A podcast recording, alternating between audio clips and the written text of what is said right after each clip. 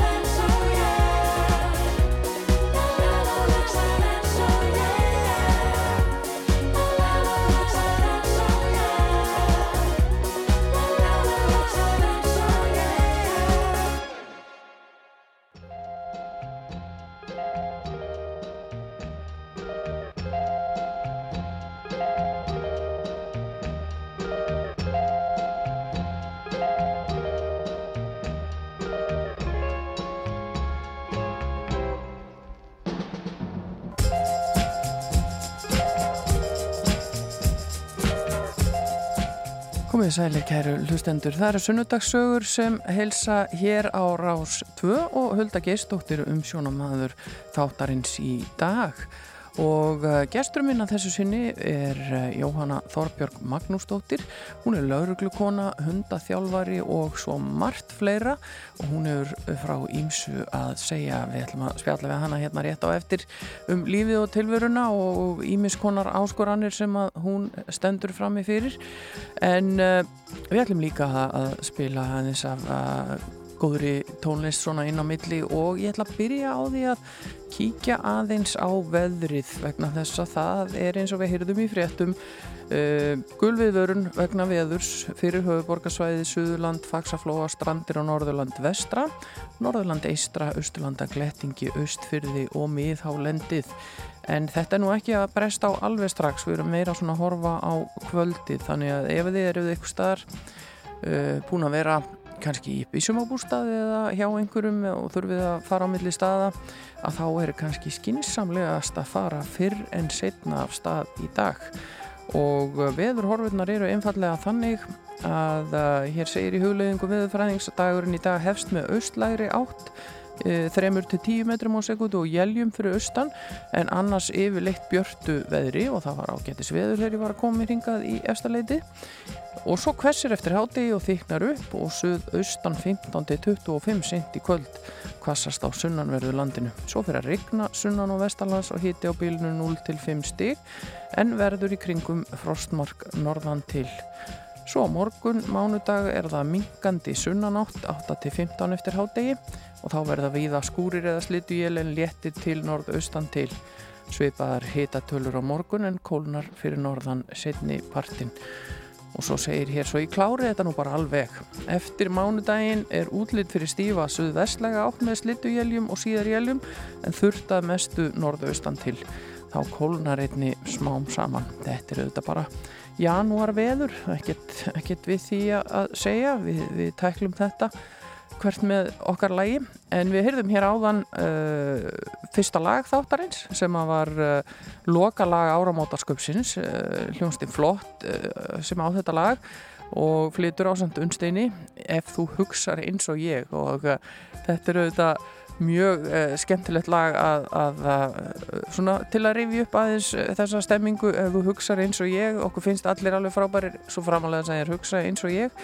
Og um, við ætlum að, að hérna bara svona hafa það í huga þegar við erum að tjá okkur á miðlunum er það ekki? Ágætt að hafa það í huga. En Jóhanna Þorberg er að koma sér fyrir hérna hjá mér og ég ætla á meðan að hún sest inn að spila eitt lagi viðbót og þá bæði við um veðrið og svo bara líka þennan storm sem að geysar á okkur í COVID-19 núna 20.000 manns í einangrun og sótkví þau fá sérstaka hverju frá mér með þessu lagi. Það er Valdimar Guðmundsson sem syngur ásagt Memphis Mafíunni og minnir á að það stittir alltaf upp hvað sem það er nú í veðrinu eða áskorunum lífsins.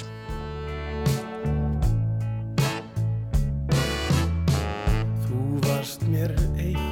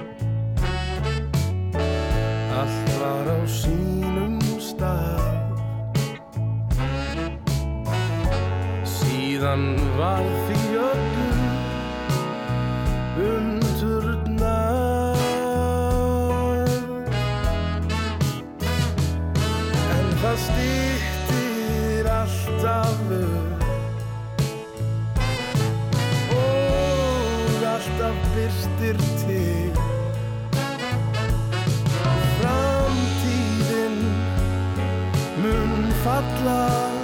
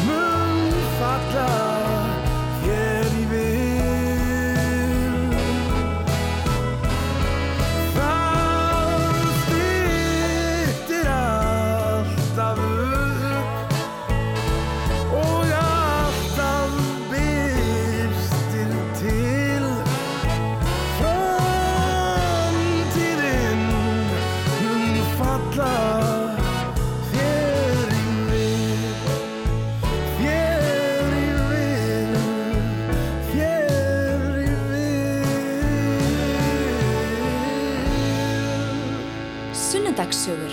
Alla sunnudaga strax eftir hádægisfréttir. Mikið rétt, þetta eru sunnudagssögur og það er Hulda Gestóttir sem er með ykkur í dag og uh, gestur minn er Jóhanna Þorbjörg Magnúsdóttir sem ég gæti sjálfsagt sett marga titla á en hún er, hún er til dæmis lauruglukona og hún er hundaþjálfari og hún hefur ekki einangrunnarstöð fyrir hunda, hún hefur verið í sjúkraflutningum, hún er öflugur hestamaður og uh, ég bara, listin heldur áfram og, og, og hún hefur tekist á við allskins áskoranir í lífinu og við ætlum einmitt að tala hér saman um lífið og tilveruna. Gaman að fá þig í hús, velkomin. Já, þakka fyrir. Ef við byrjum bara svona eins og við gerum nú gerðan í sundasögum á upphafinu, ég ætlum kannski ekki alveg að fara aftur á fæðingadildina, en, en hvar, hvar ólstu upp? Herri, ég uh, ólst upp í Skagafyrði. Já, Uh, var þar á nokkrum bæjum en, en hérna byrjaði á Hólum í Hjaltadal. Þar voru fóreldri mínir í, í námi og svo bara ílengdumst við þarna. Já. Þannig að þetta voru svona fyrstu, hérna, fyrstu spórin voru í Skagafyrðinum og ég tilla mig alltaf sem Skagafyrðing. Ég ætlaði mitt að segja, eh, lítur þau á þeir sem skaffarði? Já, já, já, já, það er bara hérna, það, það það er ekki- rótin sko. Já, það er nú ekki leiðum að líkjast Nei, að, nei. geta sagt það, margir væri til í að, geta sagt þeir væri skaffarðingar en ekki rétt á því. Nei, nei, ekki þetta. Ég tel mig alveg rétti á, þó ég hef flutt sko þegar við vorum, ég hugsa, já, já, ég var svona verið úlingur þegar við fluttum svo söður sko, Mm, en ég tilla mig alltaf sem Skagafyrðing. já, en hvað er það við, við, við skaffarð sem er svona heillandi og af hverju uh, vilja margir vera skaffarðingar? Ég, sko, ef ég segi fyrir mig, sko, ég, er það ekki bara skál og syngja? Jú, er, er sé þessi lífsgleði? Já, ég held það, söngurinn og, og hérna, og svona alltaf umhverfið og, og hérna, þetta er náttúrulega afskekt, við byggum í sagt, næst sagt, bænum þarna inn í Hjaltadal, heitir Hvammur, já. Og það til dæmis einn veturinn þar snjóuðu við inni í þrjá mánuði, sagt, já, sagt, snjóaði inni, við ferðumst um allt á snjósleða og þegar ég segi þessu sögu þá hérna, finnst fólki það alveg bara rosalega spennandi, það er viðbjöður sko.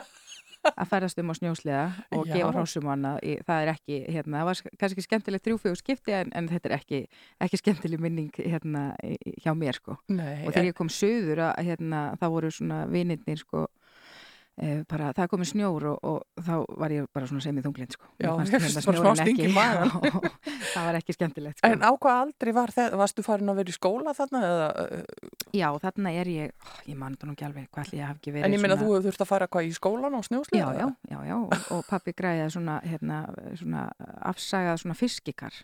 Það var bara raðað á sleðan, yngsti bróðum var fremst og svo var pappi og svo var, hérna, miðjan, var í miðjunni og svo mamma og ég var sett með töskunum í hérna fiskikari. Þetta kallast að bjarga sér. Já, já, maður þurfti bara að þetta sig. Það náttúrulega var mjög snjóþungt og kallt. Já, já. Þetta er svona, já, Þetta er, þetta er óhefbundið. þetta er óhefbundið. En, en samt svona uh, mikil, uh, einhvern veginn svona uh, sjálfsbjarga viðleitni, getur við Já, sagt. ég menn það þurfti einmitt bara að bjarga sér og, og hérna pappi, sérst fóstupappi minn, hann vann við fiskeldi Mm.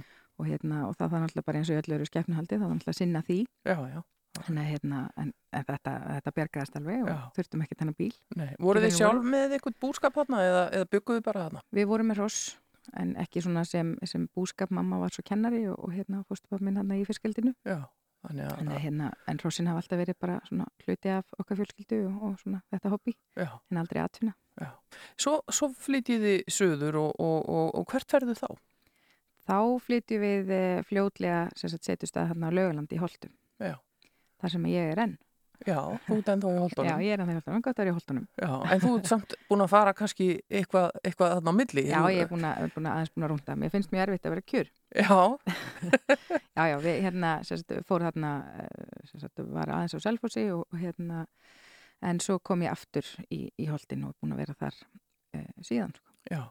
En, en það er ekki margi kannski sem geta sa- sagt frá því að þeir hafi búið í, í fyrirverandi fangelsi. Nei, við, hérna, fóldur minn keiptu bitru í Flóa og við vorum þar líka aðeins og hérna, ég held að, svona án þess að ég veit það, ég sé eini lauruglumadurinn sem að hef farið og, og hérna yfirhert uh, fanga í, fyrir, þessast, gamla Svefnarbygginu.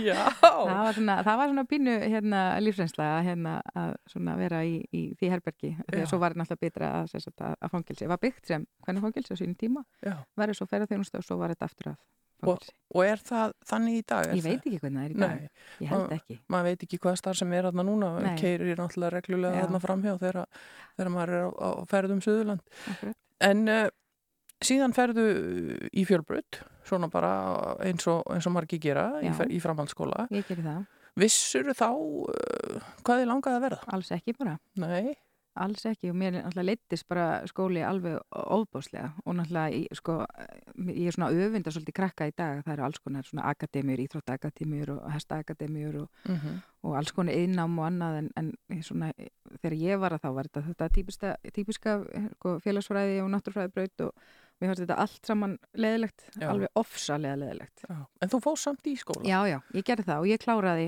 fjölbraut og var hérna í fjölbrautskólum í Breiðalti Já. Og hérna og kláraði hann bara svona fyrir rest.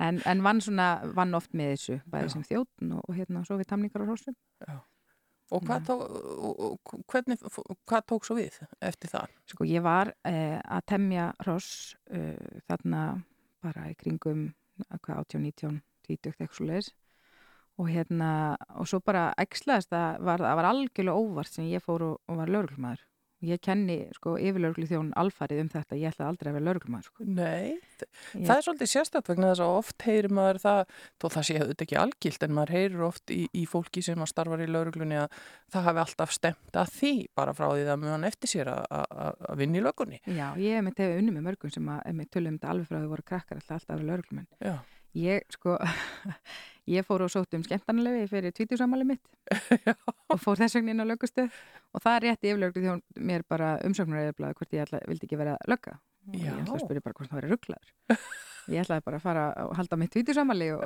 og það geta spáði þessu. En svo ringir hann aftur og, og hérna og spyr hvort ég ætla ekki að sækja um og, og ég er svona, hún er ekki alveg viss um það en svo segir maður þessi inntökupróf og inntökupróf segi ég og hvað ég að gera því? Og ég hórt að hlaupa. Já, glimti því. En svo var ég eitthvað komið með svona eh, kannski ekki leið á hestunum en svona hugsaði með mér já, það var kannski allt í lagi að prófa þetta. Mm, og fer í hérna ákveði að fara út að hlaupa sem ég gerir nú helst ekki. Mm, en fóru og náðu þessi inntökuprófi og, og hérna svo er ég bara búin að vera þarna síðan. Kveikti þetta eitthvað í þér þá bara eitthvað svona metnað, heyrðu, jú, ég get þetta. Já, og svo er þetta sko, mér finnst þetta ennþá í rauninni skemmtilegast að vinna bara í heiminum sko, Já, lauruglstarfi það er mjög áhugavert að heyra það vegna þess að svona einhvern veginn í fréttum undanfarin ára þá heyrir maður voða lítið um þetta, maður heyrir mikið um fjárskort og skort á mannabla og lélega laun og mikið álag og, og allskins erfiða hluti í lökunni. Já, það er alveg rétt og hérna umgjörðin, svona, það er það sem er, mér hefur einn starfið hérna, er umgjörðin, Mm. Ekki vinnan og starfi sem slíkt. Nei, og starfið er svo rosalega fjölbreytt að hérna, og það er ekkit í rauninni, kalla þessi ekki, kannski 2-3% sem er að tæja fjölmiðla. Já, en svona þessi daglega hérna, vinna finnst mér hérna, bara dásamleg sko. og hvað er, er löggan að gera svona bara dagstælega? það er bara, það er engin dagur eins við getum byrjað á því að fara bara í leikskóla eftirlit eða fara sko og svo þaðan beint í ef það er einhverjar, þú veist, slísaði hörmungar eða, eða aðstofa fólk það getur bara, það er allt sem Mm. að gerist kannski bara á sama deginum sko. Þannig að þetta er bara á einum degi einhvern tíman uh, hvort það hefur í sumar eða haust einhvern tíman að þá erum við í eftirliti erum svo komin upp á kjöl þá erum við komin í þyrlu og komin í bæin fer aftur sótt úr bænum komin svo niður á strönd og svo aftur upp í, upp í hérna, uppsveitir Já. allt á sömu vaktatörninni sko. já, takk fyrir. að það er bara allt sem að getur komið fyrir sko. En hvernig er að, að, að vera með uh, fjölskyldu og eiga börn og, og vinna í löggunni? Fer það vel saman? sko, núna náttúrulega kom stytting vinnuvíkunar Mm. Uh, mér fannst þessar svona persónulega fannst mér þessar 12 tíma vaktir mjög erfiðar og allt, allt og langar Mhm. og, og hérna og vinnuskyldan sem, sagt, sem að var fannst mér allt, allt og mikið sko. Þannig að ég rauninu kom aftur núna í vor eftir styttingu vinnuvíkunar og mér finnst þetta allt annað sko. Já. Auðvitað er þetta krefjandi að vera einstæð móðir en hérna þetta er miklu, miklu fjölskylduvætna og ég vona að þetta komi, sé komið til þess að vera sko. já. Hvetur ungt fólk til að skoða uh, þennan starfsvettvang uh, sem framtíðastarf? Já, og í rauninni bara hérna, og eins og þegar ég var í fjölbraut að þá ég hefði svo mikið vilja að fá bara þetta val þannig að bara Mm. fyrir ungt fólk að velja og prófa og, og svona sjá svona hvað, hvað það vill gera. Það er ekki bara þetta hefðbundna svona bóknám sem, að, sem hendar öllum. Nei. En það er einmitt núna, nú er lauruglunámið á háskólastíi, er það ekki? Jú. Og, og, en það er engin svona undibúningur eða aðdraðandi, það er ekki þetta að taka í framhaldsskóla einhverja línu í þessa átt Ég eða, held, það var enda reyndi, held ég á suðunisjónum já, en ég þekki bara ekki hvernig það, hérna, það, hvernig það er núna í dag sko. en hvað þarf uh, góður lauruglumadur eða kona að, að hafa, er eitthvað ákveðna típur sem að henda í þetta starf eða er þetta fyrir alla? Sko, nei, ég myndi kannski ekki segja þetta væri fyrir alla en það, sko, við, við þurfum, lauruglan þarf að vera þverskurður af samfélaginu Mm -hmm. og við þurfum alls konar fólk, þú veist, að öllum stærðum og gerðum og, og hérna með alls konar bakgrunn. Þannig, þannig myndi ég vilja sjá laurugluna, sé svona, eh, svona breyður hópur, Mm. þú veist, í styrkleikum og veikleikum. Um, það sem að, hérna, svona, laurugluma þarf að hafa er kannski fyrst og fremst frá mannlega samskipti. Um, kannski ákveðin þólumæði og, og hérna, og svo erum við svo ólík og að því að það eru svo mörg verkefni að það er gott að vera eins og segi sem svona fjölbreyttastur hópur, myndi ég segja. Já, til þess að svona ná utan um þetta allt. Já, Þú, sko, þú talaður um á ymbræðar aðeins á því áðan að, svona þér leittist að- vera lengi kyrr og, Mhm. og svona það, það er smá gormur í þér. Mhm. Uh, Hvernig var það svona í uppvöxtinum? Hjálpaði það þér að búa í sveit og hafa nóg pláss og, og nóga verkefnum eða? Já, ég held líka bara að hestarnir Já. eh, var alltaf bara svona mitt, sko. Og ég ennþann dag í dag að þá, hérna, þá ger ég það með hrossin að, að hérna, ef það er, þú veist, me- eitthvað sem kemur upp á í vinnunni eða annað, þá, þá er þetta ennþá leiðin að fara þangað og það er ekki einmitt að, að setjast niður eða eitthvað, það er að fara kannski reytúr eða jafnvel bara koma við út í hestúsi og, Mm. og finna lyktina hérna fyrir ofan, hérna nösina, hérna mjúkiparturinn. Já, Lyktin er það er best, sko. Já. Það er bara svona mitt, mitt í jóka, sko. það er þín sálgesla Já, að, rauninni. aðeins að knúsa hestana. Já, já, það er það. Og hvað er langt síðan að þú byrjaðir í löggunni? Hvert er búin að vera lengi starfandi sem löglumar? Við erum að fara yfir þetta. Mér finnst þú vera svo ung. Já, sko það eru 14 ár síðan ég byrjaði fyrst Já, og það eru 10 ár síðan ég útskrifaðist sem, sem, sem úr lögurskólanum. þú byrjar sem sagt fyrst að starfa og, og, og tekur svo námið. Já, já, já, ég gerði það. Og, hérna, þannig að þetta er tíminu fljótur að, þetta er fljótt að líða. Já, það er óvægt að segja það. Já. Við skulum fá nokkra auðlýsingar og um, eins og eitt lag og svo ætlum við að halda fram að spjalla við hana Jóhannu Þórbjörgu Magnúsdóttur um lífið og tilvöruna.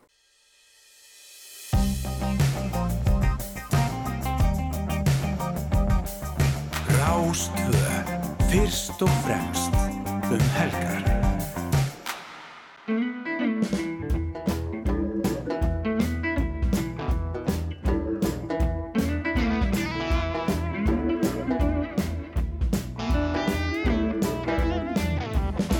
Við erum gladir og góðir, við erum glófasa menn. Fetum ótrána slóðir og verðum við fræði senn. Í okkar einkenni spúning sem allir virða og dá. Engin stæðst okkur snúning, er förum við á stjá. Komum ríðand að austan yfir fyrtind og fjöll.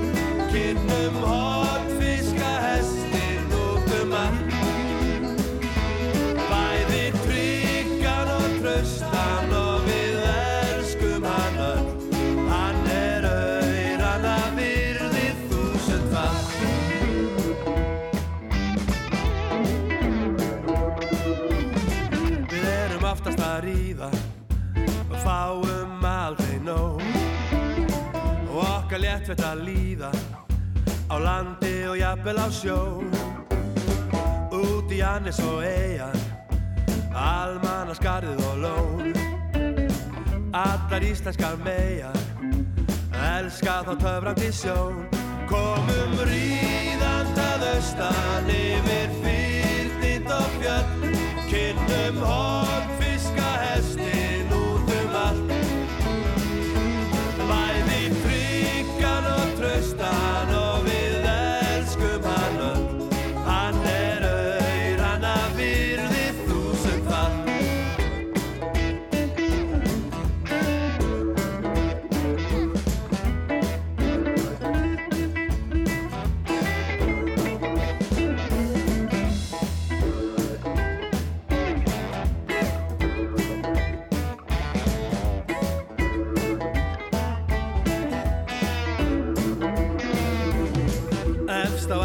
Arnarvatseiði er örstutt í löfskala rétt.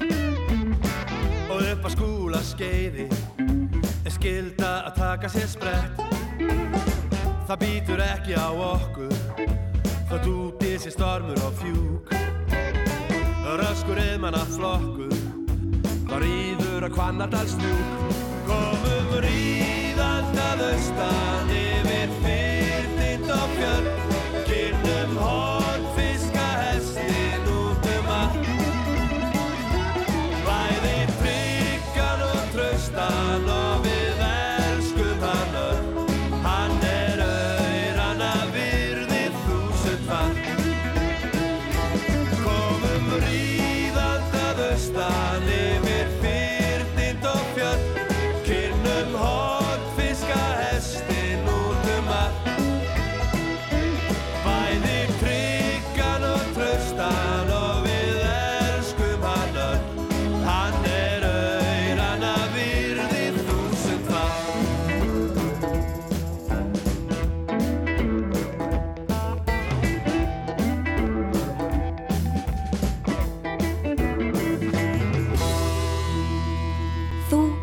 að hlusta á Sunnudagssögur.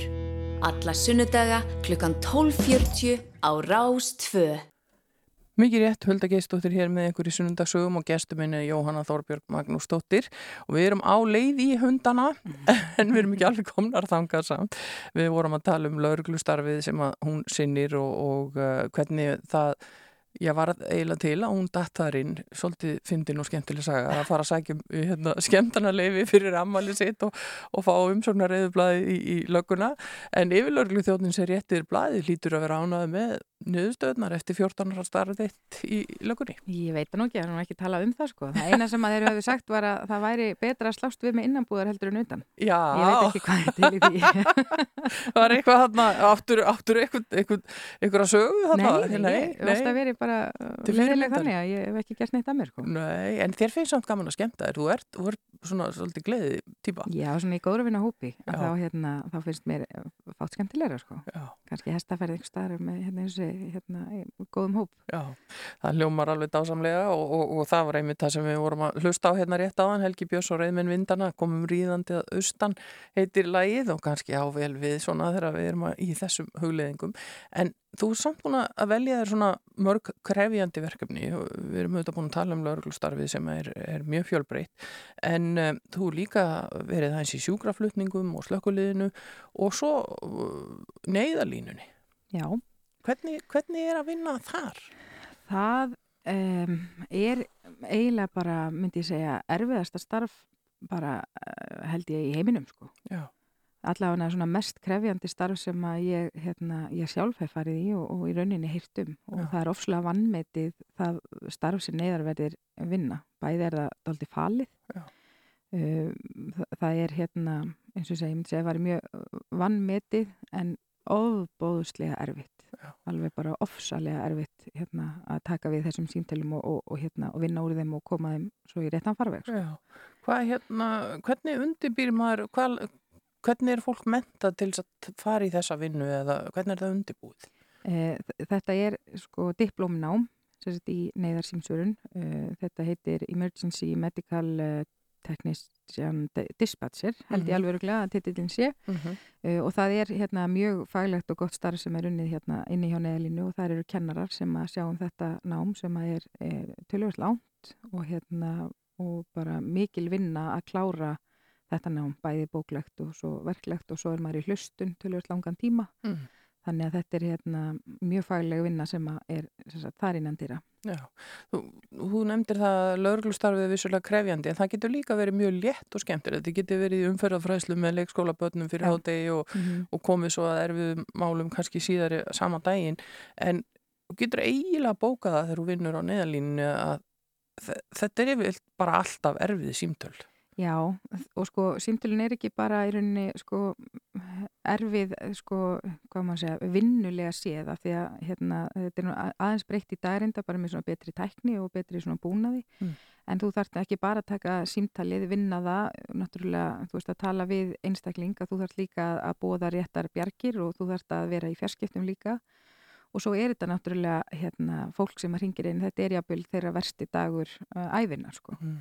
Þannig að þú þarf bæði að skilja að hérna, svona, kannski svona þessar tilfinningar og þú ert líka að vera faglegur en líka að vera mannlegur Já. og allt á sömu kannski 90 sekundunum sem að símtilinu er að taka svona, hérna, já, svona give or take, Já. séu kringu 90 sekundur.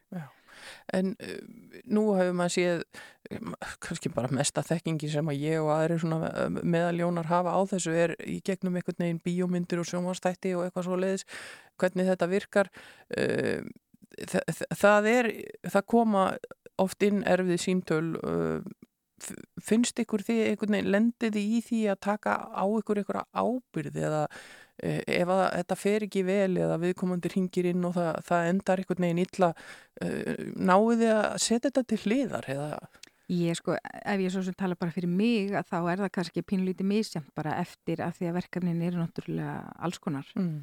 Eh, Það, það sem ég man eftir hvað hérna svo sem tók það, auðvitað tekum maður allt inn á sig og ég er ekki sammála því eins og það er oft talað um að maður takja ekki vinnuna með heim og þú veist, fyrir, fyrir mitt leiti þá er það bara ekki rétt. Mm. að auðvitað teki vinnuna með heim og ég vinn úr því og, og tala um það og ég þarf að tala um hlutina en ég á líka góða að bæði vinni sem eru í, í svona svipuðum geira og, og sem er bara svona ákveðin félaga stuðningur Mm.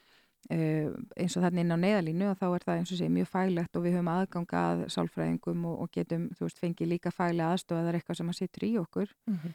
en, en svona allavega fyrir mitt leiti að þá er ekkert svona sem að ég svona uh, teka ábyrð á, maður gerir bara sitt besta og, og hérna, og svo fara hlutinni stundum vel og stundum illa því miður. Og það, Já. þannig er bara lífið það er einmitt þannig, þannig er lífið. En uh, færum okkur aðeins áfram uh, í tíma yfir í hundana. Mm. Uh, Þú er búin að vera í kringum hross alveg frá því þú fættist og, og, og þitt fólk með hesta og þú svona sjálf ferð inn í þann bransa.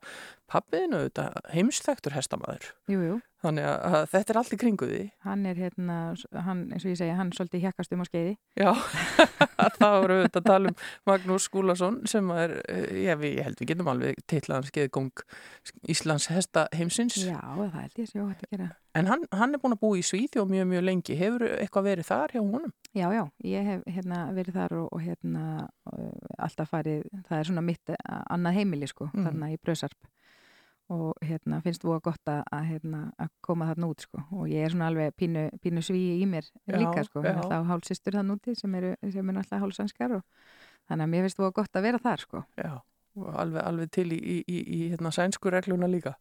Nei, ekki, ekki jafn mikið, þeir eru náttúrulega rosalega hérna, ferkantaðir en, en ég, samt, ég hef alltaf kunnað rosalega vel í Svíþjóð og svona, svona landslæði sem er þar og, og hitan og, og líka bara Íslandshesta umhverfið finnst mér mjög skemmtilegt og svona hvernig heimurinn er þar. mjög, mjög, mjög svona sterkur vettvangur íslenska hessins í Svíþjóð Já. En hvenar dettur inn í þetta hundaæði? Ef við getum orðað það þannig. hunda, hundæði. Sko, hérna, eins og komst inn á áðan varandi laurugluna, þá hérna eh, lendi ég mjög reglulega í því að vera alltaf reikin á haustin, eh, fekk ekki fástráningar og, og hérna, og þurfti svona einhvern veginn að að finna mér eitthvað annað. Og það var eiginlega bara alveg óvart sem að ég fór svo fyrst í bandaríkjana og hérna e, var bara að fara þangað í heimsókn fyrst og hérna og rekst svo bara á þennan skóla sem er auðlistur hérna hundaþjálfara nám. Og það verður úr að ég fer út þarna í hvað tæft hálft ár flutti, flutti þarna út til Texas, Austin, Texas í bandaríkunum, þetta er útkverfi Austin. Já, svolítið annað en holtin Svolítið hann en holtinn, það var alveg pínu menningarsjokk að koma til ástinn e, fyrir að fyrsta það náttúrulega bara eh, grenjaði og hlátrið því að koma út af flugullinum bara að fólk skildi búa þarna. Vegna þess að þetta er svona eins og þegar maður er að sko baka og þú veist, opnar opnin að það er bara sama hittast Einmitt það kemur svona skellurinn á því og þú veist, ég bara, ég, hérna, mér liði best einhvers þar upp á jökli, Mm. hérna, þannig að mér fannst þetta bara ævindrælega ruggla að fólk skildir að búa í þessu hittastíði. En Texas búar eru frábærir Já. og hérna, þeir eru náttúrulega mjög svona sérstakir, svona pínu sérstakur þjóðflokkur fannst mér en ofslega vinnalegir. Mm. En menningarsjokk var til dæmis nágrannur okkar var ekkert sem að þrýfa bílinn og var með, með sko, hérna, skotvopn bara í beltinu. Já, bara svona meðan hann skólaði bíl Já, já, já, og mitt vöðva minn náttúrulega var að grýta krakkan minn í hann liggur verið hingja á neðalínu af því að það var í vopnaði maður. Já. og þetta er náttúrulega bara annað hvað maður er náttúrulega bara með, þú veist, mann ekki hvernig þetta flokka open carry eða, eða hvernig, hvernig sem það er. Já, þannig að hérna En var mjög- Texas auðvitað eins og segir, þú talar svona um sérstakann þjóðflokk, það er stundum talað um Texas sem nánast bara ríki í ríkinu. Já, já, þeir eru það. Og þeir eru hérna, þeir eru náttúrulega svo opbóslega stórir og fyrir þá að fá hérna, íslenska stelpu, þeir höfðu bara ekki hugmynd um bara hvað þetta væri sko. Nei, aldrei heyrt um Nei, Ísland. sko þeir höfðu, flestir höfðu heyrt sko talað um sko Iceland is green and Greenland has ice Ég, sko þetta held ég að hljóta verið ykkur í kennslubók í grunnskóla. Já, Vegna þess að þetta hef ég líka svo margóft fengið frá bandaríkjamunum. Já, þetta er eina sem einhvern veginn en svo spurðu þeir sko hvort að hérna, við, við værum með sko ameríska tónlist Já. og ég náttúrulega svaraði bara nei, við værum bara með Riverdance það var eina sem við værum með og þeir eru unverulega trúið því og hérna, og svo sagt, e, var, sko kennarinn minn sem var mjög fær, mjög fær hérna hundaþjálfari og var sko yfirmaður hundadeildar í Kabul Mm. sem sagt, og var í bandaríska hernum í langan tíma og hann, og hann raunverulega spurði mig hvort það væri ekki rétt að, að, sagt, að það væri miklu fleiri konur heldur en kallar og ég sagði að við værum svona eins og mantran og við borðum kallmenn eftir að við eðlumst en hann, hann held þetta sko. Frábær landkynningi og ég meina heimskulega spurningar eru fá heimskulega svör sko. Já, þú hefur nú væntalega svona á þessu hálfa ári sem þú varst þarna leiðrétt eitthvað af þessu Já, já, já, já, ég gerði það og þeir, hérna, og þeir voru mjög forvitnir og opnir og, og, hérna, og lærðu hérna, alveg um Ísland og, og, hérna, og það er alveg vinskapur ennþá við hérna, marga sem voru samnefndu mínir þarna og ég er að fá heimsókn allavega frá tveimur, bara núna þessu ári Já, já. Þannig Og að, þarna ertu bara að læra þá að, að þjálfa þá fyrst og fremst hunda til lauruglustarfa eða eitthvað meira? Sko þarna var, eh, sem sagt, eh, ég útskrifast sem Canine Trainer and Behavior Specialist, Mm. er einu svona sérfræðingur í hegðun hunda. Mm. Eh, Ástin er svona, eh, hvað maður segja, no killing innan gæðsalappa eh, borg, það er sem sagt, hundar eru ekki aflífaðir nema í svona þessi brín nöðsin og skólinn vann sagt með svona hundaatkvörfum uh, út um allan bæ. Já, já. og nemyndur sagt fá þarna skólahunda sem eru kannski bara eiga alls konar sögu. Og hérna þannig að við lærum þarna bæði sagt þetta voru minni með 17 og 18 fög. Og þetta voru þú veist mannasíði hlýðni eh, nósvörk eða svona þef vinna við Mhm. fengum jú kynningu á hérna lauruglunni, eh, ég bara fór sjálf og, og hérna hafði samband við lauruglumenn þarna úti og, var sagt æði tölvöld mikið með þeim Já. og kynntist svona lauruglustarfinu sagt þar. Og það var sagt sérifinn sem, sagt, sem var þarna í, í ástin, neða útkværi ástin. Og svo vorum við líka með þjónustuhunda og hérna og svo var þarna kennel management eða svona stjórnun uh, kennela Mhm. og hérna og bara svona rosalega breiðvirk uh, eða svona breið þekking á svona Já. grunninum á því hvernig sem sagt, hundar læra og þessa þekkingu ferðu með heim til Íslands eftir þessa áhugaverðu döl í Texas. mm. Uh, hvað tekur við þá? Voru Íslendingar uh, tilbúnir að fara að þjálfa hundana sína? Já, ég byrjaði þarna, þetta er hvað 2014 og 15, uh, svo kem ég heim og er mikið í, hérna, bara er með námskeið og, og hérna, enga tíma og svo einhvern veginn ægslaðist það svolítið þannig að ég var orðin svona síðasta stopp fyrir aflífun hjá tölvert uh, svona mörgum hundum. Mm. Af því að ég hafði þá reynslu af svona mjög alvarlegum hægðunar svona erfileikum. Mm. um, þannig að, að þá einhvern veginn ægslaðist það þannig að ég var komin með svona þessa svona erfiðustu tilfellin til mín sko. En er, er hægt að leiðrétta svoleiðis hegðun í mörgum tilfellum þegar einhvern veginn hundurinn hefur bitið eða gert eitthvað af sér eða það eru komin upp ykkur vandamál er hundurinn vandamálið eða eru við vandamálið? Er þetta laga þetta?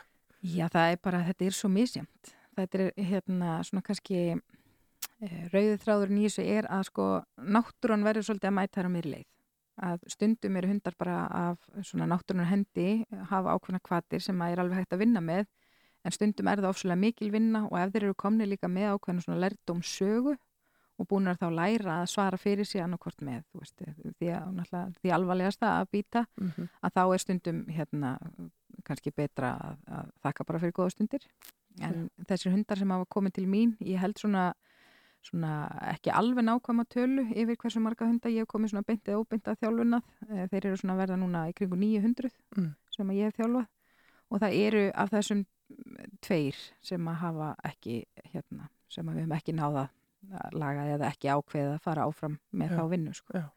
Og þú er búin að vera í allskins uh, hunda vinnu og þjálfun og, og uh, verið að kenna öðrum að vinna með hundana sína meðal annars Mm. en síðan er það kannski svona það sem að uh, hefur meiri sér rataði fréttir uh, undanfæri misseri það er hundur sem þú átt núna sem þú ert búin að þjálfa til að leita upp í miklu Já, Þa, það er sérstakt.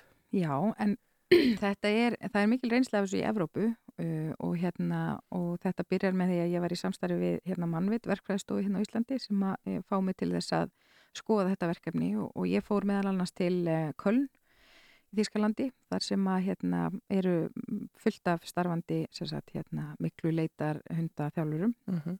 og hérna og það er margra, margra ára reynsla af þessari vinnu. Og ég fer svona hérna til þeirra og sé svona hvernig, hérna, hvernig þau vinna og held svo bara áfram hérna á Íslandi. Og það enda með því að þau koma hérna frá þýsku umhverfis eh, samtökunum. Og ég tek próf sagt, hérna, bara úttekt á þeirra vegum og hérna og höfum starfað við þetta núna í rúm tvö ár að verða Já. Nú myndir maður halda svona miða við fréttaflutning á Íslandi að það sé nóg að gera fyrir mikluleita hund Já, Hafið sko- þið farið í stóru verkefni? Já, við erum búin að fara mjög við það og, hérna, og, og það er í rauninni þannig að, að hérna, sko, hansi eða hundurinn er í rauninni svona eina en að gæslega tæki sem við höfum til þess að leita sko, lindri miklu Mm. Og honum er kent að hérna, leita svona þessari algengustu og hættulegustu tegundunum um, og mikluleitin sko fyrir mig sem hundaþjálfara og, og hérna er sko í rauninni það erfiðasta erfiðasta efnaleitin sem þú kemst í Já.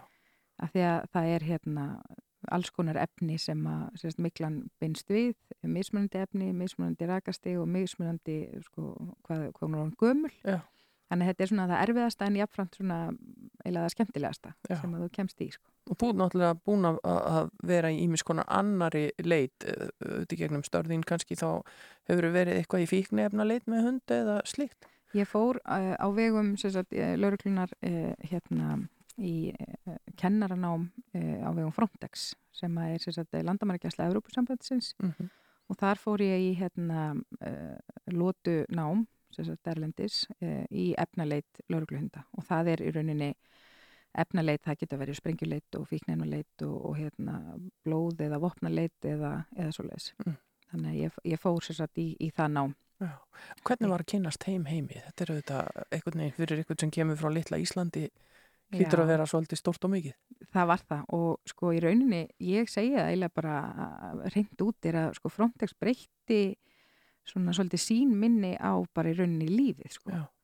vegna þess að á, á fyrstu bara á fyrsta degi að kemur yfir maður verkefnisins sem að hérna ég vil nú meina að sé nú kannski meira bara svona heimsbyggingur frekar heldur en hundaþjálfari þó hann sé nú vissulega, vissulega bæði Mm. eða sem sagt hundaþjálfari er að hérna að það er implementað í mann sko frá fyrsta degi að bera mismunandi, eða sérst virðingu uh, fyrir mismunandi menningu, mismunandi trú, bakgrunni fólks og, og hérna aðferðum. Mm. Og fyrir svona forréttinda hérna brussu frá Íslandi að koma inn í þetta hérna samstarf Já. vegna þess að þannig eru náttúrulega lönd uh, innan Evrópu og, og sérst Evrópusambandsins og Schengen og það er ekkit allir sem hafa jafn gott og, og við og bara mikið langt í frá og Já. það var hérna frá ákveðin landi sem að þeir voru með hundar sem að þeir þurftu bara að hérna, láta virka og hérna hundaþjálfun er í rauninni til jafn svolítið vísindi og list þú þarft að hafa uh, mikla þekkingu og sérstaklega í eins og þessum leitum Mm -hmm. og hérna þú þarft að hafa ákveðna típu af hundi og þú þarft að hafa ákveðna kvatir og það er rosalega margt sem þarf að ganga upp til þess að þú náir að klára kröfur af þessu kaliberi og eins og hans talaði um sjálfur þessi yfirmaður að til dæmis hlýðniprófið í þessum, þessum námi er það erfiðast í heiminum á, á þeim tíma sko. En þarna voru mínir kollegar sem að voru kannski með hund, það vantaði nú nýra í einn og, og hérna og einn hálf tannlaus og, og hérna orðni fullorðnir en, en þeir þurftu bara, það, það var ekki hægt að kaupa aðra hunda, Nei, þessir þurftu bara að virka. já. Þetta var bara það sem var í bóði. Já, og það var svo, hérna, og það er svona ein, eitt, eh, hvað maður segja, quote, eh, setning sem að situr í mér eftir þetta nám er að, sem sagt, að það langar öllum að eiga, sko, veðhlaupa keppnishestin, racehorse, en hérna, if you have a donkey, make it the best donkey available. Já, já bara- það vilja allir eiga velun að veðlupa hestin en ef þú átt bara lítinn asna já, þá lætur það verða minnstakosti besta asnan í heiminum. í heiminum. Já. Við skulum uh, hérna, taka okkur smá pásu og höldum svo áfram að spjalla á eftir. Þú ert að hlusta á Sunnudagssögur alla sunnudaga klukkan 12.40 á Rás 2. Höldum áfram hér í sundagsögum Hulda Geistóttir að spjalla við Jóhannu Þorbjörgu Magnúsdóttur og við erum búin að vera í hundunum hérna síðustu mínúturnar sem eru þetta kannski svona búið að vera fyrirferða misti parturinn í þínu lífi að minnst að kosti atvinnulega séð undarfarin ár. Og eh, við færum okkur aðeins uh, næri tíma þannig ertu búin að læra að þú ert komin heim og, og þetta er orðið svona svolítið þitt mál. En, en uh, síðan eignastu ball líka og það gekk ekki þrautalust fyrir sig? Nei, ég eignast, uh, ég og tvö börn og hérna, það er reyndar uh, þessi fæðing, hérna, þegar ég eignast hann Jökul minn, hann er fættist 2009, þetta er sem sagt, eh, árið náttúrulega eftir hún mm. og það var hérna þannig að meðgangan gekk nú nokkuð vel og, og hérna, en svo gerist eitthvað í hérna þegar hann er komin hérna á tíma.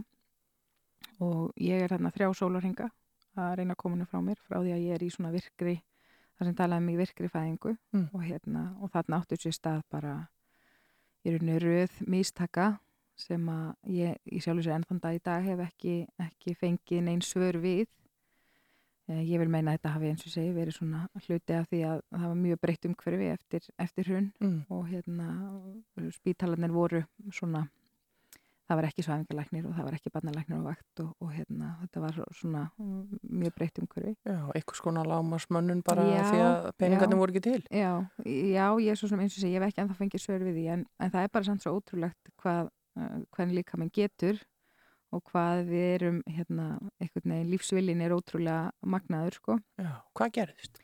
Það sem gerist í rauninni er að hann situr svo fastur.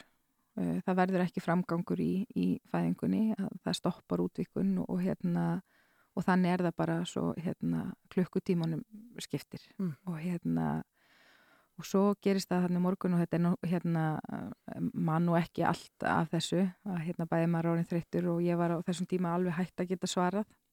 Og hérna og svo er verður þarna uppi ykkur fótur og fitt og, það er farið að hérna reyna að ná honum út og hérna og það hefst e, fyrir rest en svona alltaf ekki verið svona á síðustu klukkutímanum. Hann er fastur svona þegar kollurinn er komin í þrjá og halvan klukkutíma og reymbingurinn var í einhverja svona kringum fimm tíma. Vá. en það er samt svo merkilegt er að hérna uh, þegar þetta gerist að þá hérna að því ég vissi í rauninni að batni var í dáið. Ég vissi það og hérna en, en náði ekki mikið að hugsa um það en svo lítið niður og sé í rauninni brjóskassan á mér reyfast mjög hægt og það var svona eins og að, að svona hjarta væri að, að gefa sig Já. og það er hérna aftur hvað líka minn er, er ótrúlegur er að ég hérna að það leið svona að mann fannst vera svona sekunda þar sem að ég var mjög hrætt og, og hérna og vissi að nú væri, væri komið að mér Já. en þá allt í einu leið mér svo bara vel sko og þá kom svona yfirdrifin raukhugsun þar sem að ég hérna átt að menna á því það var nú fullt af konu sem að deyja barsförum í heiminum á hverjum degi en, en ég svo sem hafa nú ekki gert ráð fyrir það er ég Já. en, já, það bara kemur yfir eitthvað svona, Já. eitthvað friður eða? já, og fann ekki til og leiði óskup vel svona kannski ekki sátt við þetta en, en, hérna, en leiði alls ekki illa og svo hljóma maður nú pínu eins og, eins og nord og ég, og ég ber nú mikla veringu fyrir þeim að þá horfði ég svona bara ofan á mig Já, bara fóst út úr líka já, já, og, og hérna horfði þarna ofan á og, á, sagt, og sá svona ofan á, á höfuðið á mér og, og horfði þarna í kringum á sjúkrastofuna og, og hérna og bara leið óskup, óskup vel sko. þegar allt í einu ég fæ hérna svona högg bara aftan á höfuðið Mm. og hérna og það var eiginlega svona frekar, eiginlega frekar óþægilegt sko. og hérna og svo svona horfi ég niður, manni horfið niður eftir sko vinstri hendinni og þá var svona eins og það hefði svona verið gefin einhver bara vitaminsprauta eða við svo sem ekkert hvað það var fyrst vinstra megin og svo hægra megin og svo kom það bara niður eftir öllum líkamannum og, og hérna og strax ég kom út Já, mm. þannig að það var eiginlega alveg ótrúlega uh, mögnuð upplifun sko já, ég skal trúa því. Já. En, en um, þetta er náttúrulega meiri háttar áfall að gangi gegnum og, og, og einhvern veginn að, að horfast bara í augu við döðan og, og koma Mhm. tilbaka. mm -hmm. Hvernig uh, gekk þér að bara komast og vinnaði út úr þessu? sko þarna var ég, hvað er ég, 22 ára gömul og hérna uh, ég í rauninni gerði ekkert í þessu var, þetta var aldrei rætt Mm. þetta var ekki rætt innan engin læknir kom að tala við okkur eftir þetta eða, eða ljósmaður eða neitt og hérna og ég gerði það í sjálf og sér ekki heldur ekki fyrir mörgum árum setna Mm. Að þá hérna var komin svona og rauninni, sko, ég kveikti fyrst á ég kannski kringum vinnuna. Mm. að ef ég fór í einhver mál þar sem að koma börnum eða svo þá, þá var ég rosalega mikið svona, e, svona áhyggjufull. Og þá fer ég svona að hérna, svona með meiri þroska og, og hvernig árin liðu að, hérna, að vinna í því. Og, hérna, fekk svo bara góða aðstóð með, hérna, með sálfræðingum og ná að klára þetta verkefni. Af því að það er eins og kannski meiri umræðum í dag. Já, já.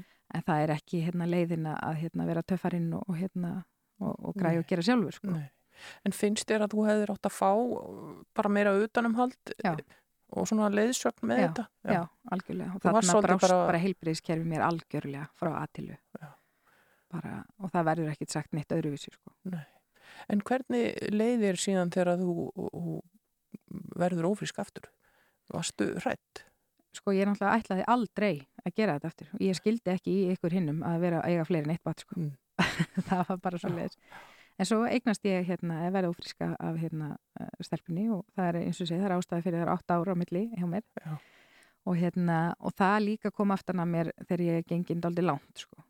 og hérna, ég ætlaði alltaf að reyna að fara í eðla fæðingu en svo hérna áttaði mig á því að það væri bara ekki tækt sko.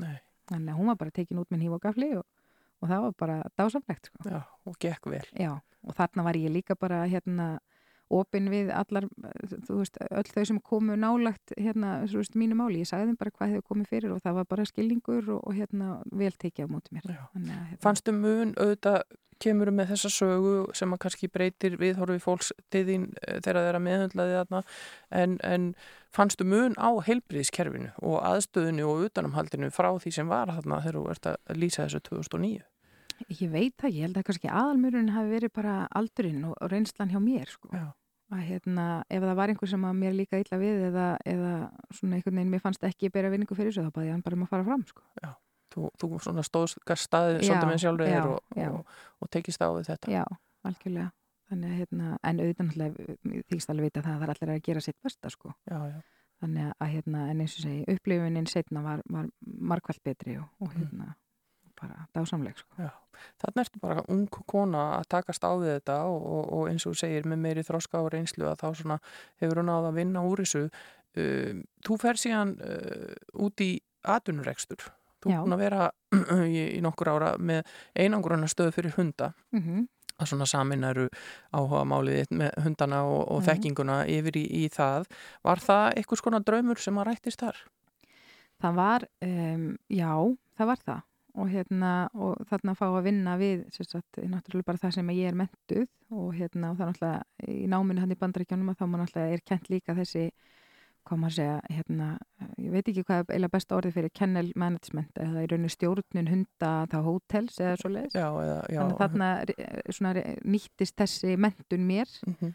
og hérna, og við sagt, byggjum þarna þessa einangrunastöð fyrir gældir hérna í Holtonum Mhm.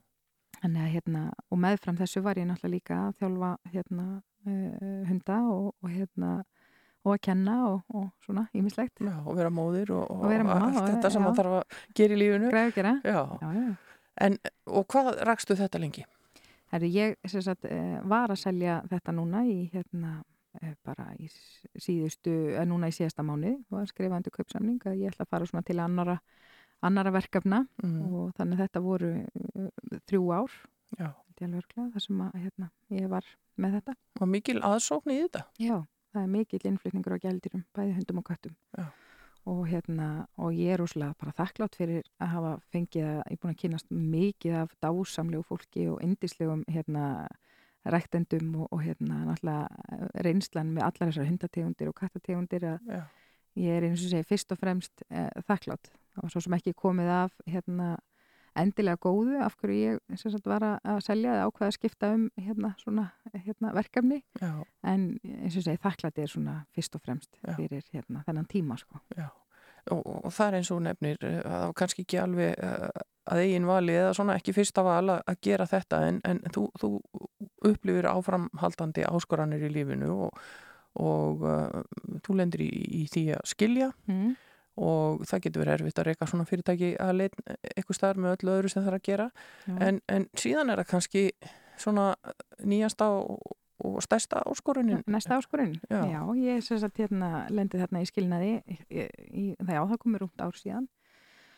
Og já, já, það er ekkert hérna svona hvað ég segja, dansa rósum að vera eitt með fyrirtæki og börn og, og hérna og, og vinnu líka. En ég náttúrulega ég hef haft ofsalega gott fólk í kringum mig og, og hérna og þó að ég, það sé alveg hægt að reyka fyrirtæki og, og hérna og ég gerði það svo sannlega en þá er þetta kannski ekki, ekki líf sem að ég hérna mæli með fyrir rauninni neitt það er, þetta er svolítið tempo. Mm.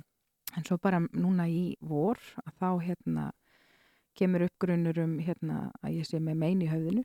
Og, og svo er það staðfest núna í sumar að ég sem sagt er með æxli í, í heilanum. Mm. Uh, þetta er æxli í heiladingli sem að hérna er á öllum líkindum bara á góðkynja ég fer hann í lifja meðferð í haust og hérna uh, var svona vonast til þess að það myndi þá minka en það gerði ekki Mm. þannig að nú likur fyrir að ég er að fara í, í aðgerð og, og hvernig uppgötaðist þetta? Fannstu fyrir einhverjum einkennum? Já, ég fer að mjólka aftur Já, ég náttúrulega ekki með hérna barnabrjósti eða neitt svo en, en fer aftur og er að fá sýkingar og stíplur Já. og þá er sem sagt, byrjar þetta bara með hérna eh, blóðpröfu það var reyndar sko bara nágranni hérna þarna í Holtonum sem að ég hitti í göngutúr og, og hérna og spurði sem er ljósmóður Já. og spurði hana um hérna hvort að það var ekki hægt að fá svona einhverja þurkutöflur og hún í rauninni kveikir á perunni og hérna og ég á henni mikið að þakka að Já. hérna hafa farið svo til til læknis í að mæla þetta þessi gildi sko og Þannig að, um hvernig er að sitja núna í þeim aðstæðum sem við lifum við í heimsfaraldri og vera að býða eftir aðgerð? það er mjög skrítið uh, núna, já, ég á að vera að fara núna á fimmtudaginn og hérna, og ég er rauninni veit ekkert hvort að ég er rauninni að þessu verði sko. Mm. og það getur náttúrulega bara ég lendi í sótkvíi eða einangrunn eða, eða hérna læknirinn eða eitthvað verður og þau náttúrulega eru bara að taka stöðuna dag frá degi. En það er samt svo, svo magnað við þegar að maður lendir í í svona, að það kemur upp svona allavega eins og segi, tala fyrir mig svona ákveði, ég held að bara æðruleysi að þú, þú getur ekki stjórna þessu en þú getur ákveðið að sækja jákvæðnina og þú getur ákveðið að, að, hérna, að, að gera hlutina bara eins, eins og vel og hægt er. Ég held þetta hafi rauninni verið meira kannski svona áfallið að svona fólkin í kringum í bröði meira Mm. en svona undibúa sig, já, ég hef svona beðið læknana og, og þá sem eru þarna í kringum að svona reyna að hafa mig með í ráðum og ég er mögulega búin að fresta þessari aðgerð einu sinna því ég mátti nú ekkert vera að þessu þannig að hérna, þau eru svona hérna, að gera eins og þau geta en, en auðvitað er þetta skrítið er. Og hver, er þetta flókin og stór aðgerð? Ertu, ertu smeyk?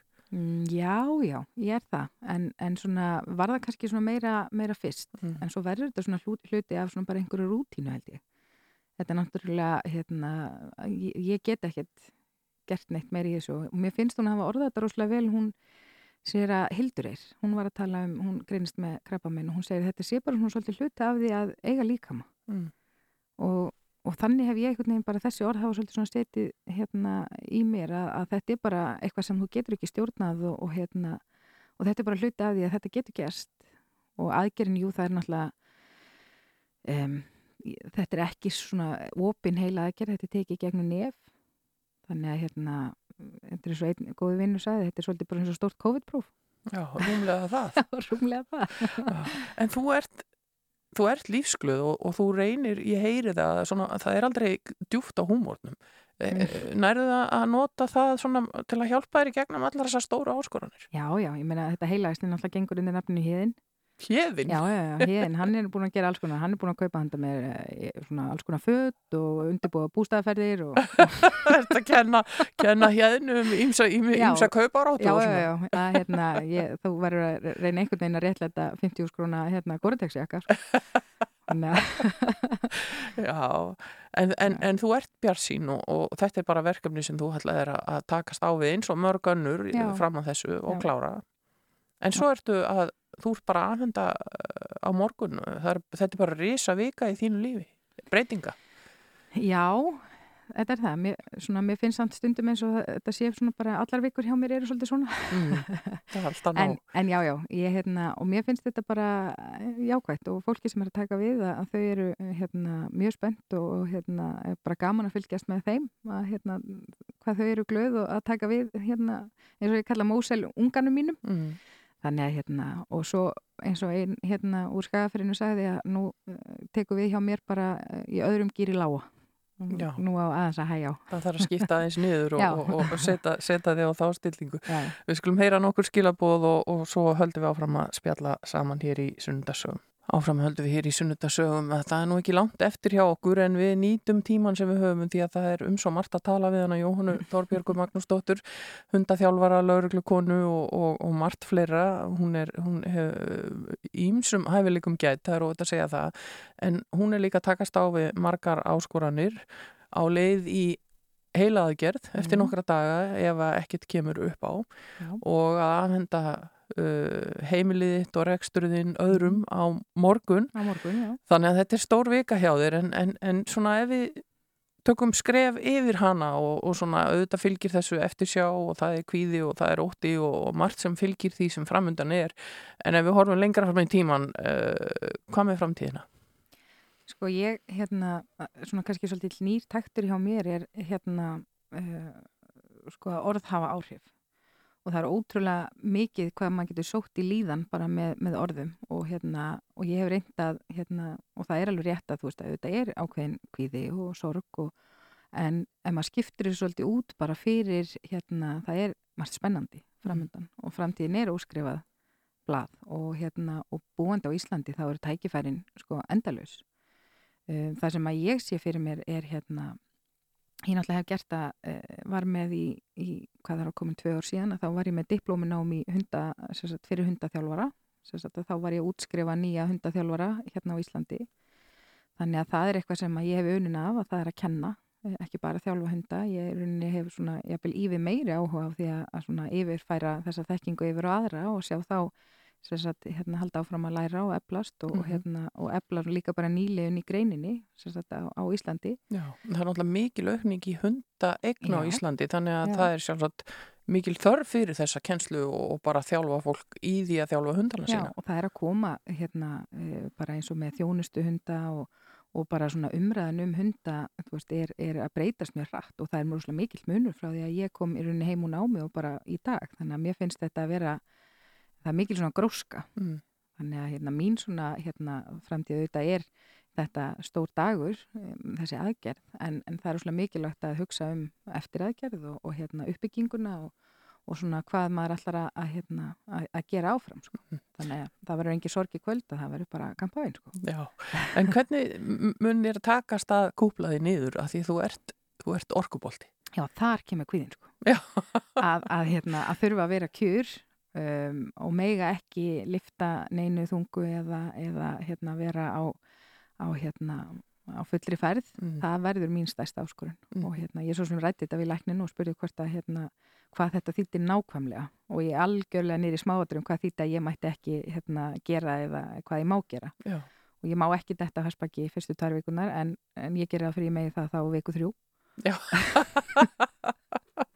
en er ekki, er ekki heldur að sé nú ekki hægt að, að pína því til þess að sleppa því bara kannski að fara á hessbakk í einhverja vikur? ég er ekki vissin það Nei. Nei, en, hérna, en auðvitað náttúrulega held ég maður finni það bara svolítið sjálfur sko. Það, hérna, og það sem að getur gerst er að það, að það rofni þá þessi, þessi viðgerð þessi satt við heilan, þannig ef ég ger á mikið þá fer mænu vöku að leika út um nefi á mér Já, við viljum að- það ekki. nei, nei, en, en, en þá þarf hann að taka fytu úr maganum til þess að laga þannig að það er alltaf eitthvað jákvæmt Þú sér tækifæri í þessu. Já, Við skulum sleppa því.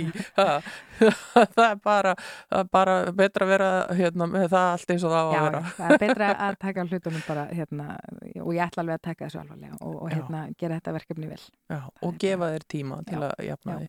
öðrum gerir lága Já, og, og þú, ert, ert flutt og, Já. og komin á nýjan stað og, Já, já. og, og með gott fólk í kringu þig og Já. tilbúin í þetta.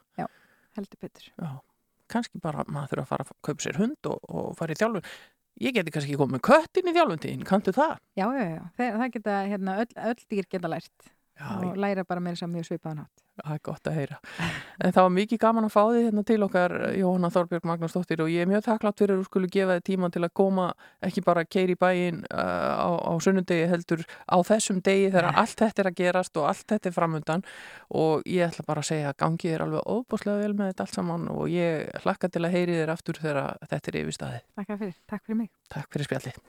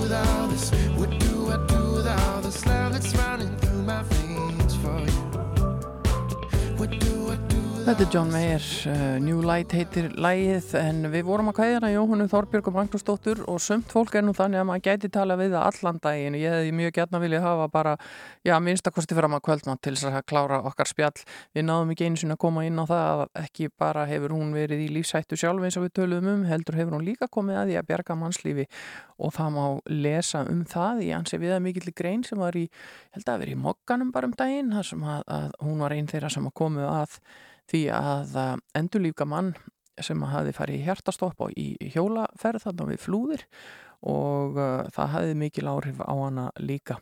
En hér framöndan á Rás 2 er pressan, það er Andrea okkar Jónsdóttir sem tekur við að loknum fréttum klukkan 2 og leiðir ykkur áfram inn í þennan fína sunnundag og uh, svo heldur dagskráan áfram og við minnum á þessar gulu veðuviðvaranir sem taka gildi síðar í dag eða svona með kvöldinu að hafa þær í huga ef þið ætlið að vera eitthvað á ferðin í dag þá betra að fara fyrr en setna Ég heiti hins vegar Hulda Geistóttir og ætla að þakka fyrir mig í sunnudagsögum í dag.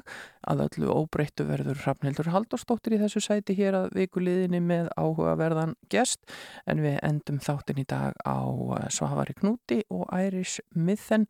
Þetta lag naut mikill að vinsalda hjá okkur á síðasta ári og heitir Hope and Fortune. Takk fyrir að hlusta og vera með okkur og hafa það sem allra, allra best í dag.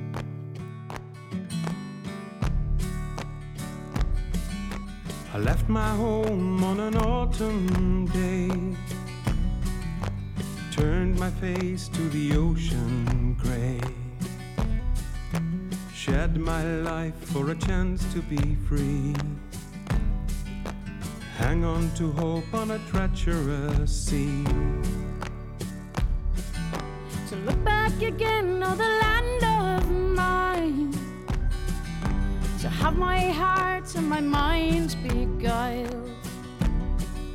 What lies ahead can't be a mistake. Day by day, another Yankee way. Oh, the seas we go. Say fare thee well, so long to the world we know. Oh,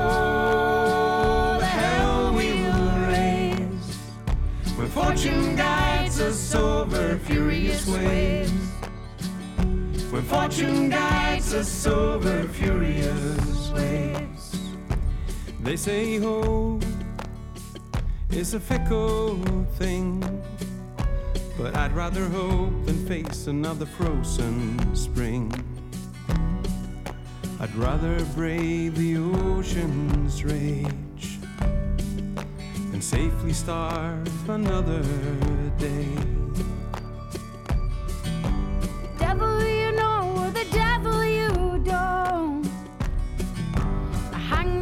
Smile or a pastor's doubt. For hope is a thing we can't afford. I won't leave my luck in the hands of the Lord. Oh,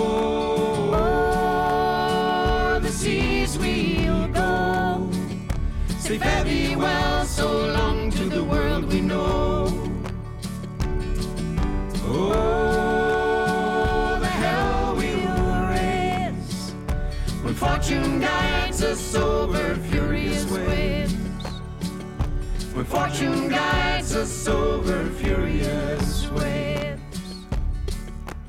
All I'm bringing along with me, tiny branch of my family tree.